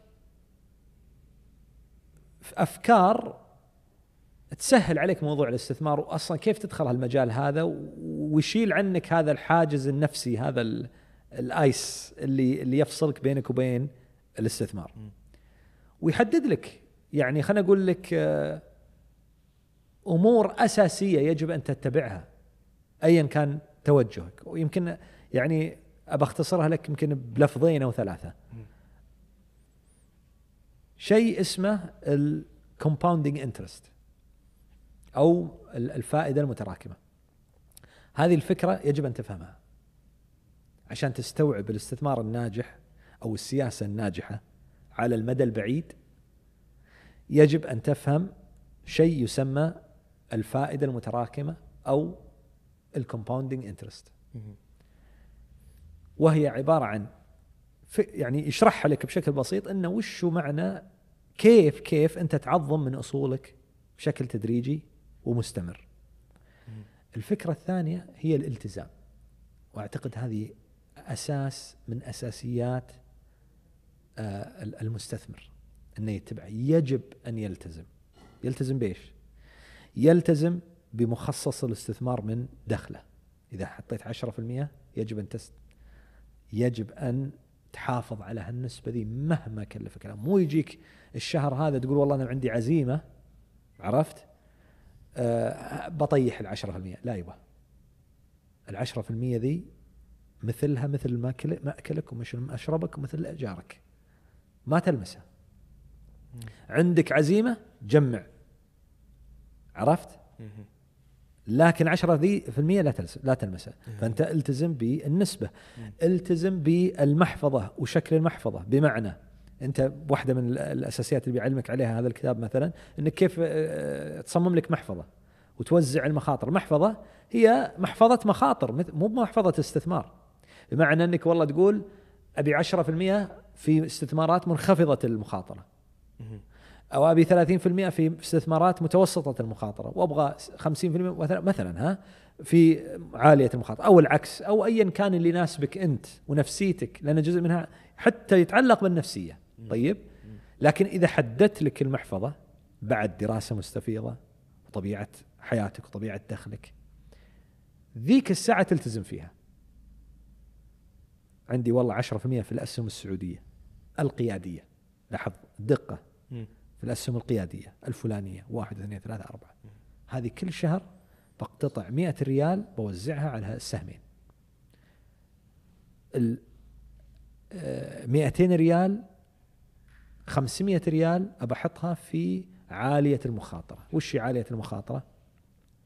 عقود المرابحة آه، مشاريع جديدة في سي عرفت؟ إذا حصل لك فرصة تستثمر داخل يعني صندوق. ومتوسطة المخاطرة. والله آه، عقار. عرفت؟ تحطها في ريت معين. والله آه، يعني بعض الأسهم بعض آه، يعني وهكذا. فهمت قصدي؟ لكن المهم إنك تلتزم. التزام الالتزام. يعني فكرة الالتزام هي اللي راح تشعرك في المدى المتوسط والبعيد بأثر ال compounding interest interest اللي هو الفكرة الثانية اللي هو الفائدة المتراكمة. في نقطة بس سطرت فيها بموضوع الالتزام، هل هو التزام بإخراج المبلغ ولا التزام بالسقف اللي أنا حاطه اللي هو 10%؟ أي. لأن ممكن شخص يعني يخصص 10% للاستثمار في جانب معين بعدين يشوف إنه والله في ظرف شهرين أو ثلاثة أو ممكن أربعة ارتفع السهم هذا فيقوم يرفع السقف أيوة. فأنا ألتزم بالسقف اللي أنا حاطه ولا ألتزم بالإخراج يا سلام عليك لا تلتزم بالمبلغ م. لكن شفت فكرة السهم هذا اللي ارتفع أو نزل م. أنت في سياسة محفظتك اللي راح تصممها بالبداية وهي شيء شغلة مو بصعبة ترى م.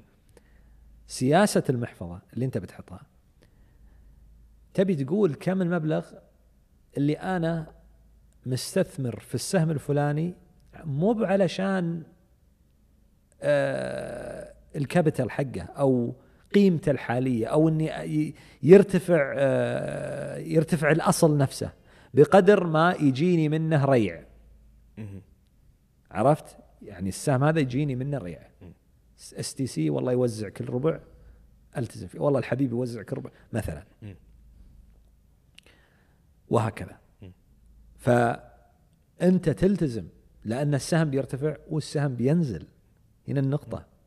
إذا أنت قاعد تستثمر في السهم هذا في, في على المدى البعيد اخترت سهم قيادي وحاط لك في السياسة أنك تستثمر على المدى البعيد أنت يجب. تلتزم بالسياسة. إلا لو صار ظرف كبير جدا أن ما عادت السياسة ذي أصلا لها معنى. عرفت؟ تغير السوق بالكامل. والله آه، يعني مثل السنة هذه السنة الماضية أقصد تضاعف فيها ال interest rate. نسبة الفائدة. السايبر مقارنة بالبنك الفدرالي الأمريكي. ف في الحالة هذه يرفع السقف. هنا هنا ارتفع ارتفعت الرسوم أو أو الفائدة بشكل كبير. غيرت من هذا. فأنت تتطلب هذه يعني مراجعة غير سياسة المحفظة. إيوه. تتطلب أنك تراجع سياسة المحفظة. لكن مو شرط. أنا أقصد إن هذه ترجع في النهاية لقرارك الشخصي لكن لازم يكون في نوع من الالتزام. أما كل ربع بتغير السياسة ما عاد في سياسة أصلا. فكرة السياسة إنها تكون في نوع من الالتزام. جميل. جميل. طيب خلينا نتكلم عن الإلقاء. ذكرت إنك تحب أه، مهارة الإلقاء. كيف انعكس حب الإلقاء على شخصيتك؟ هل أثر فيها بشكل كبير؟ يعني آه، الالقاء أعتقد إنها مهارة رئيسية لأي قيادي. آه، يعني إن لم تكن أحد المهارات الرئيسية. وليس إحدى المهارات لا ال المهارة الرئيسية. جميل. كيف تعبر عن نفسك؟ كيف تعبر عن رأيك؟ كيف تعبر عن فكرتك بشكل واضح وبصوت مسموع وبمعنى واصل؟ آه أنا قبل كنت ما أحب على فكرة أيام المدرسة يعني أتذكر آه، يمكن بهالموضوع ذكرت ال- يعني يعني أنا كنت آه، يعني ما أحب اكشلي ما أحب ال- ال- الألقاء ويمكن آه، يعني حيي ب- بنوع ما ما بقول لك خجول لكن يعني أميل إلى الهدوء وكذا.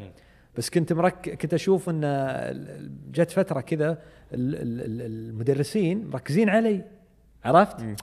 وكل ما جت الإذاعة المدرسية ذي يلا يا عبد الرحمن دورك كلفونا عبد الرحمن. يا أخي طب في طلاب ثانيين إيش معنى. مركزين علي؟ إيه طبعا اكتشفت بعدين إن الوالد جزاه الله خير يعني إيه. من ورا الورا عرفت؟ إيه. يحرصهم إنه طلعوا ترى يستحي عرفت؟ ولازم يقول إيه. لازم يوقف على المنصة وأنا إيه. أشيل همها و...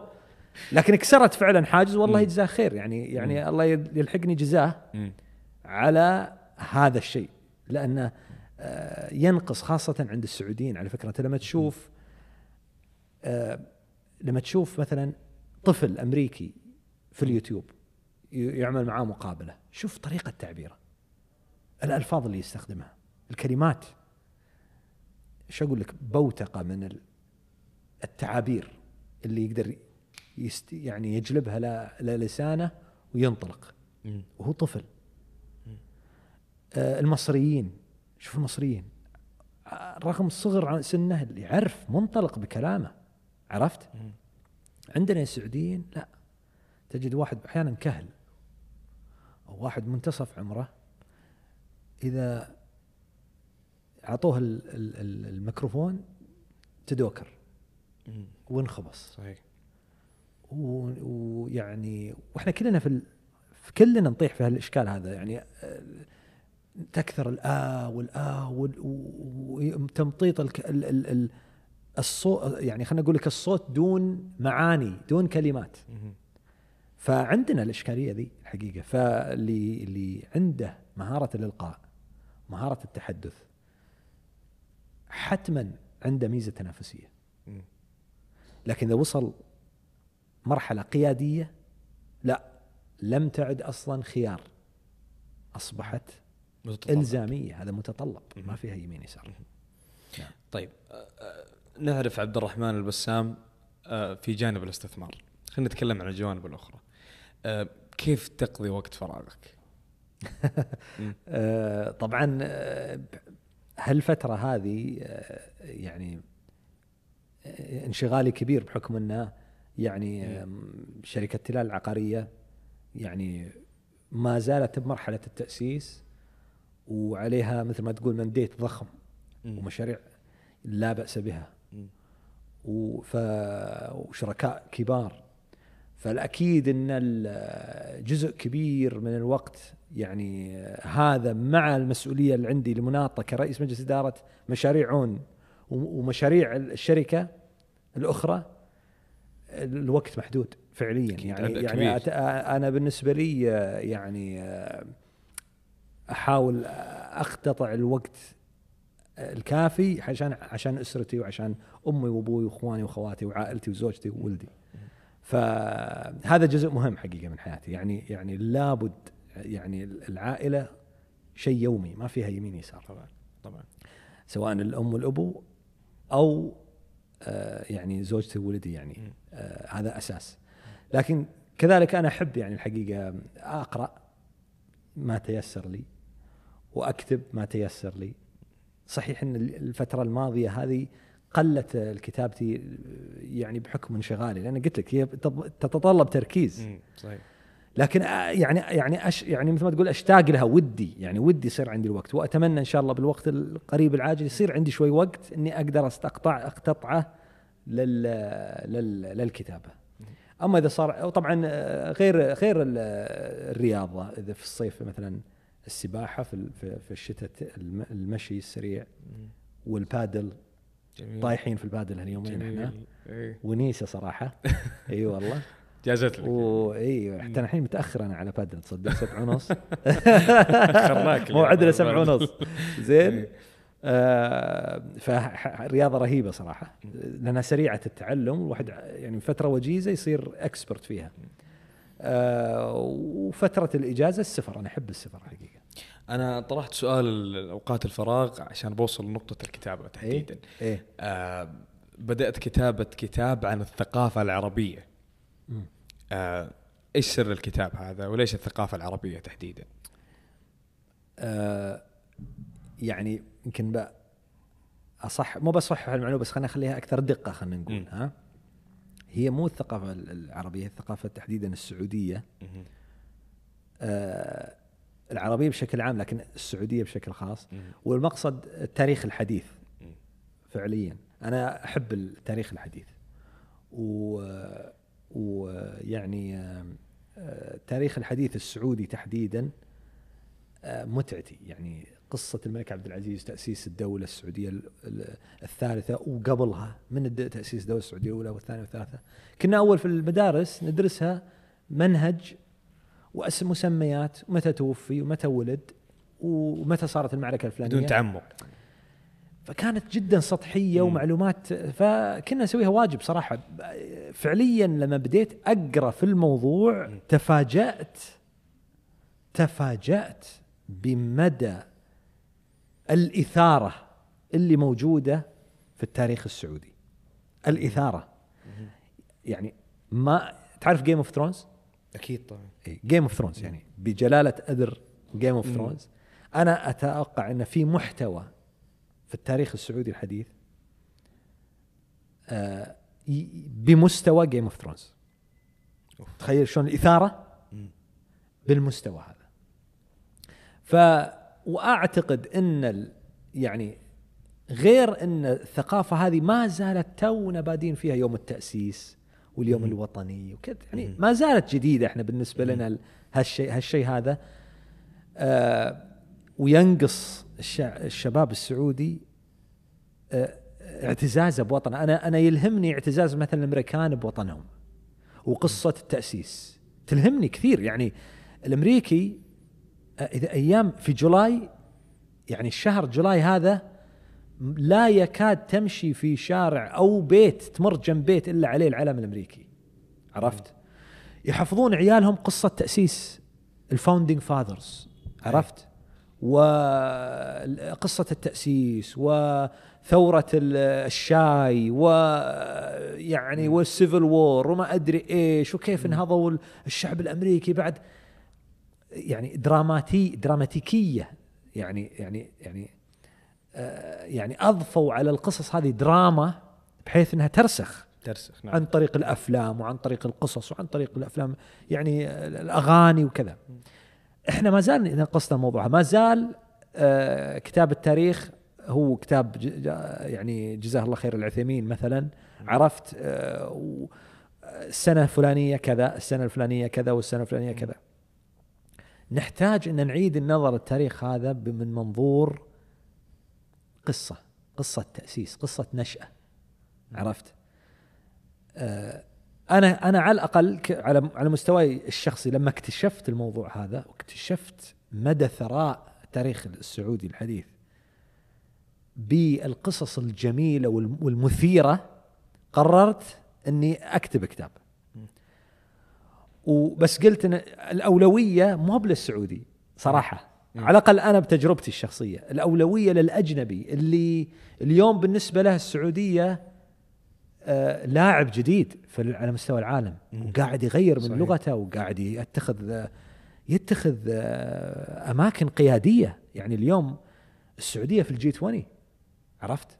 الاقتصاد رقم 17 ال target حق السعودية أو أو المستهدف في 2030 إنها تكون إحدى القيادات العشر للاقتصادات. لما لما العالم الغربي يشوف السعودية قاعدة تقود مشاريع لا ما لا يعني يحس إن السعودية ما لها علاقة فيها مثلا ال- ال- الطاقة الخضراء عرفت؟ ليش ليش السعودية تسوي green آه، energy وهم عندهم بترول وبيكفيهم 70 80 سنة قدام. فهمت قصدي؟ ليش؟ لا أنت مو فاهم أنت مو فاهم السعودية ذي مو ببلد لحظي ترى ما نشأ في عام 1932 مم.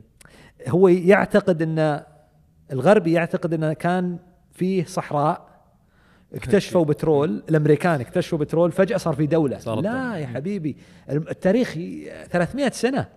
صحيح. عرفت؟ مم. ال- ال- ال- ال- ال- الحكم السعودي في هد في هالأرض هذا صار له 300 سنة. عرفت؟ صحيح. وتاريخ عميق ومتجذر وله أصول وله قواعد وله قصص. ف كتبته بالإنجليزي و- وموجه للقارئ الغربي. و- و- وبح- أنا أصلا أكثر مع الأسف يعني قراءتي أصلا إنجليزية أكثر منها عربية. نادر ما أقرأ عربي صراحة. فلغتي متمكن فيها شوي. فكتبت القصة والحمد لله انهيتها انهيتها بالكامل. جميل. إي يا ربي لك الحمد. تتكلم انت عن 120 ألف كلمة. ما شاء الله. فيعني كتاب لا بأس به. ولكن الحين في طور. ال editing مم. يعني آه، قبل قبل النشر آه، إعادة الصياغة و والمخاطبة خلينا نقول الكفاءات في هذا المجال في نهاية الأمر آه، يعني لو طلع هالكتاب هذا أول كتاب لي. لابد إنه في نوع من الكفاءات تجي وتعطيك صحيح. رأيها صحيح. وتعطيك نظرتها وكذا صحيح لكن هالقصة مبنية مو على أساس خلينا نقول helicopter view لا هي من منظور شخص. عايش تجربة تأسيس الدولة السعودية الأولى آه، أنا شخصيا مهتم في آه، الكتابات والروايات عن التاريخ السعودي فصراحة متشوق إني بس. ب- بوضح لك مم. يعني آه، عشان بس المسألة تصير واضحة مم. هو رواية وليس مرجع تاريخي يعني الكتاب فكرته أنه مصاغ كرواية وليس كتاريخ يعني خيالي بالكامل؟ يعني مبني على أحداث تاريخية حقيقية أها. ولكن معدل بحيث إنه يصير قصة. آها. إي يعني فكر فيها. آه، آه، اليوم أنت تبي تقرأ عن التاريخ السعودي يوجد بحوث ودور أبحاث مثل دارة الملك عبد العزيز. يعني فيها كتب لا يتصورها العقل. يعني من شتى الكتاب سواء سعوديين أو غير سعوديين يعني حتى أجانب وغربيين وأتراك وما إلى ذلك يتكلمون عن التاريخ السعودي وتوثيق التاريخ السعودي. هذه هي المراجع. هذا الكتاب ليس مرجع ولا يجب أن يؤخذ كمرجع هو رواية. الغرض منها أول شيء الغرض منها هو جذب أو أو التعريف بالثقافة السعودية وبالتاريخ السعودي. بوجود السعودية هذه اللي اليوم يعني آه، تصنع قرار على مستوى العالم عرفت؟ وعضو في الجي 20 و- ويعني يعني عضو فعال. اليوم الدول الغربية تتعامل مع السعودية ما بعارفة يعني أول السعودية جزء لا يتجزأ. وخلاص وماشية مع الأمور و... الآن السعودية لا تأثر على القرار الدولي ولها مكانه دولية سواء اقتصادية أو سياسية أو ما إلى ذلك ف تستثمر في مجالات يستغربها ال- ال- الغرب لما يجي تستثمر السعودية مثلا في الطاقة المتجددة. فالغرب يقول يا أخي إيش دخل السعودية في الطاقة المتجددة؟ يعني آه، عندهم البترول ويكفيهم 70 80 سنة قدام. ليش تدخل في شيء منافس. أنت هو مو فاهم يعني السعودية ليست فقط بترول. عنده الغربي أن السعودية آه، كانت صحراء واكتشفوا البترول فجأة صار في دولة. غير صحيح. صحيح. السعودية ترجع 300 سنة. صحيح. يعني ولي مو ب- مو الملك عبد العزيز يعتبر مجدد يعتبر أسس الدولة السعودية الثالثة. فعليا الحكم السعودي على هذه في المنطقة صار له 300 سنة. تاريخ متجذر وأصيل وله. يعني أنا دائما يستلهمني ال ال ال ال الأمريكان أو يلهموني الحقيقة في موضوع احتفالهم واحتواء احتف احتفائهم ب ال- ال- ال- الروح الوطنية واليوم الوطني والتاريخ التأسيس وال founding fathers وما إلى ذلك يوم الاستقلال و- ويوم و- الاستقلال مم. قصة يعني من ثورة الشاي إلى ال إلى ال إلى ال constitution الد- اللي هو الدستور إلى ال civil war والحرب الأهلية وكيف رجعوا منها كشعب متواصل ومتحاب وكذا ويأسس. يعني dramatized القصة بحيث إنها ترسخ ترسخ اليوم ما في أحد ما يعرف قصة ال founding fathers أصغر طفل في أمريكا يعرف يقص لك قصة ال founding fathers من من الألف إلى الياء عرفت؟ في حين عندنا إحنا في السعودية ما زال التاريخ واجب عرفت؟ يعني آه، في التاريخ الفلاني صار كذا، في الكذا صار كذا، في المعركة الفلانية صارت كذا، فاز فيها فلان، عدد الجنود في المكان في ال- الجيش الفلاني كذا وعدد الجنود في الجيش الفلاني كذا. شيء سطحي وعالي مجرد. و- يعني يعني جدا. عرفت؟ عشان تتوصل الرسالة لازم توصلها عن طريق قناة. مم. أنجح قناة اليوم لتوصيل أي ثقافة أي حضارة أي تاريخ هي القناة الفنية. عرفت؟ مم. سواء الكتب أو الأفلام. فاليوم أنت أنا وياك إيش عرفنا بقصة ال ال ال ال الآباء المؤسسين وال founding fathers في أمريكا. أصلا تاريخ لا يخصنا ولا لنا دخل فيه. لكن نعرفه ونتخيله. عندنا تصور ذهني عندنا صورة ذهنية صحيح. ها نمطية في مخنا عن هذه القصة. نفسها نفس آه مثلا آه آه قصة مثلا آه الثورة الفرنسية ولا مثلا شو أقول لك؟ يعني مثل هالقصص هذه. ليش عندنا التصور هذا؟ مو بلأن إحنا قرينا التاريخ الأمريكي. شفنا الأفلام. افلام نعم. بس باختصار. أنت شفت. فيلم والفيلم هذا أوحى أو أو استوحى جزء من الم من منه من هذا التاريخ سواء الفيلم كان عن هذا التاريخ أو مستوحى منه.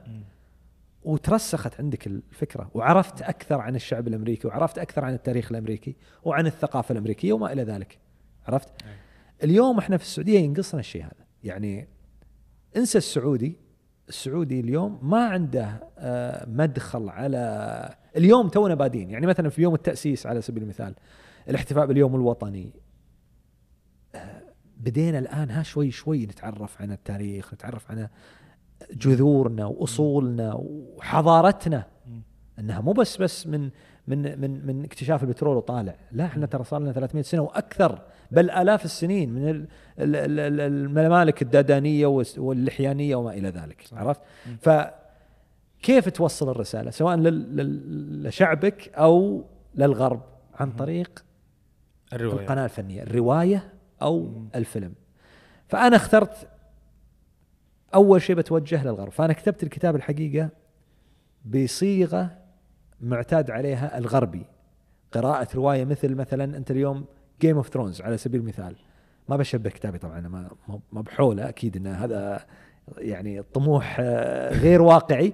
ولكن قصة يعني أنا أنا اكد لك إن ال ال ال ال ال الإثارة الموجودة في هذا التاريخ بمقام بمستوى مثل هذه الأفلام.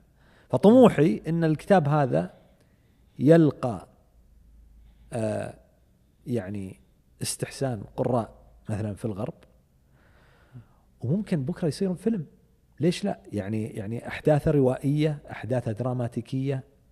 آه لو كتب بالطريقة الصيغة التاريخية البحتة كان آه لم يجد خلينا نقول ما بتكون القناة الصحيحة. بتروح للمختصين بتروح للأكاديميين بتروح للبحاث عرفت؟ اللي هو الباحثين. في حين القناة اللي اخترناها اللي هي الرواية مبنية على قصص أو واقعية مبنية على أحداث تاريخية صحيحة ولكنها رواية وليست مرجع تاريخي. نقدر نقول المدخل يا سلام للتاريخ. عليك. تدخلك على ثقافة. وفعلا أنا عن تجربة اليوم. الكتاب هذا لما اكتمل جربته مع قراء آثق فيهم في الغرب أصدقاء أو أو يعني ناس أثق فيهم يعني تراسلت معاهم وشاركتهم الكتاب آه، على أمل أن يشاركوني رأيهم في الكتاب. فكانت آه، ال- ال- ال- الفكرة ناجحة بمعنى يعني أحدهم بدون مبالغة قال أنا بكيت يعني بكيت في إحدى القصص اللي تخص التأسيس السعودي أها. تخيل لما تنعش عاطفة البكاء ال- العاطفة تنعش عاطفة في قلب قارئ غربي إلى درجة البكاء. معناته انت نجحت إنجاز كبير. نعم إيه. صحيح. لما يجي يقول لك أنا ما أعرف ابن سعود الملك عبد العزيز يسمونه عادة يسمونه ابن سعود. ما أعرفه. عرفت؟ تعرفت عليه من خلال روايتك. عرفت. يعني تعرفت عليه صرت أبحث عنه صرت جوجلت مهم. فهمت قصدي؟ ف...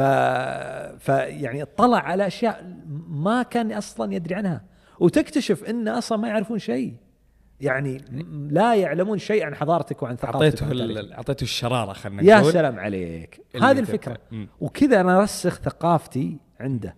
مو بإني أكون آه، البحث التاريخي له مجاله وله آه، آه، قراءة وله كتاب. وأساس لأن أساسيات ما في شك. وقائم وفي قائمين عليه قامات مثل دارة الملك عبد العزيز ومركز الملك فيصل آه، للأبحاث.